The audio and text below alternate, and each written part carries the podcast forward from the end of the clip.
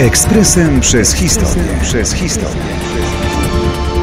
13 stycznia 1943 roku Hitler ogłosił swoją decyzję o rozpoczęciu tzw. wojny totalnej.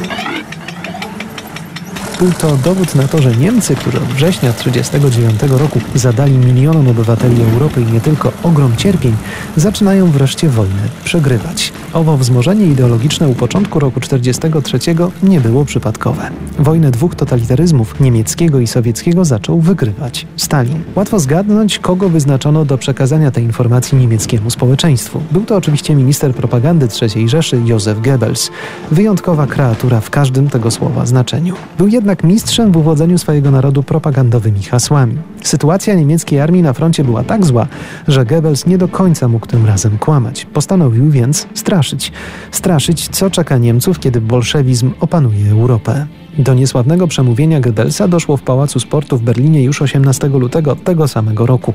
Nawoływał do prowadzenia wojny totalnej, a więc przy użyciu wszystkich możliwych środków i zasobów. W przeciwnym razie Niemcy zostaną zgładzeni przez bolszewicką nawałę. Argumentował, że, tu cytat, nie możemy przezwyciężyć bolszewickiego zagrożenia, o ile nie użyjemy równorzędnych, ale jednak nieidentycznych metod w wojnie totalnej. Pod koniec mowy uderzył zaś w najbardziej dramatyczny ton.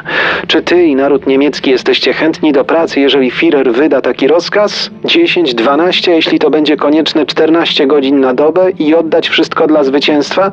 Czy chcecie wojny totalnej? Jeśli to konieczne, czy chcecie wojny bardziej totalnej i radykalnej niż cokolwiek, co możemy sobie dziś wyobrazić? Większość Niemców ochoczo postanowiło wypełnić tę prośbę swojego ministra. Niekoniecznie jednak z pobudek patriotycznych, głównie ze strachu.